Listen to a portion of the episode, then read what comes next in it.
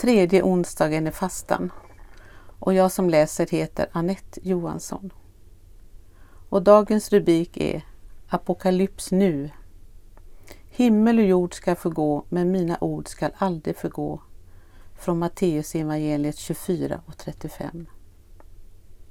Vad innebär en rimlig kristen hållning i en värld av dramatiska klimatförändringar?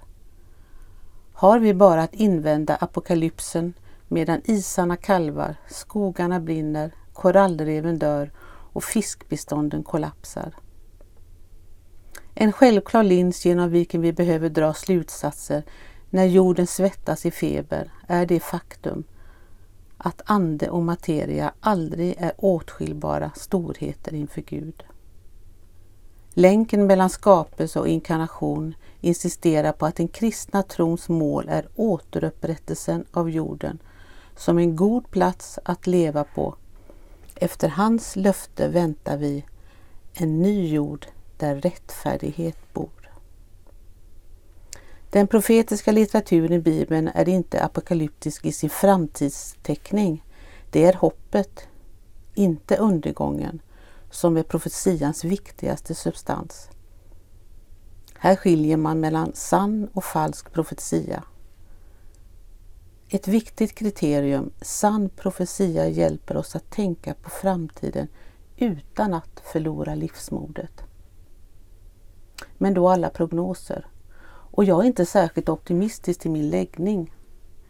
Det finns något som är djupare hos människan än läggning och prognoser. Något som håller oss uppe även när det verkar omöjligt och det är hoppet. Hopp är inte en sinnesstämning, än mindre bortträngning av verkligheten. Profeterna vet att sant hopp bara kan födas och få fäste i själen om vi inte undanhålls sanningen. Ett annat kriterium för urskiljning, sann profetia, är det tal som får oss att inse vår skuld utan att moralisera. Till människans värdighet hör att hon kan ta på sig sin skuld. Skulden har samma uppgift som smärtan. Den varslar om fel som behöver botas.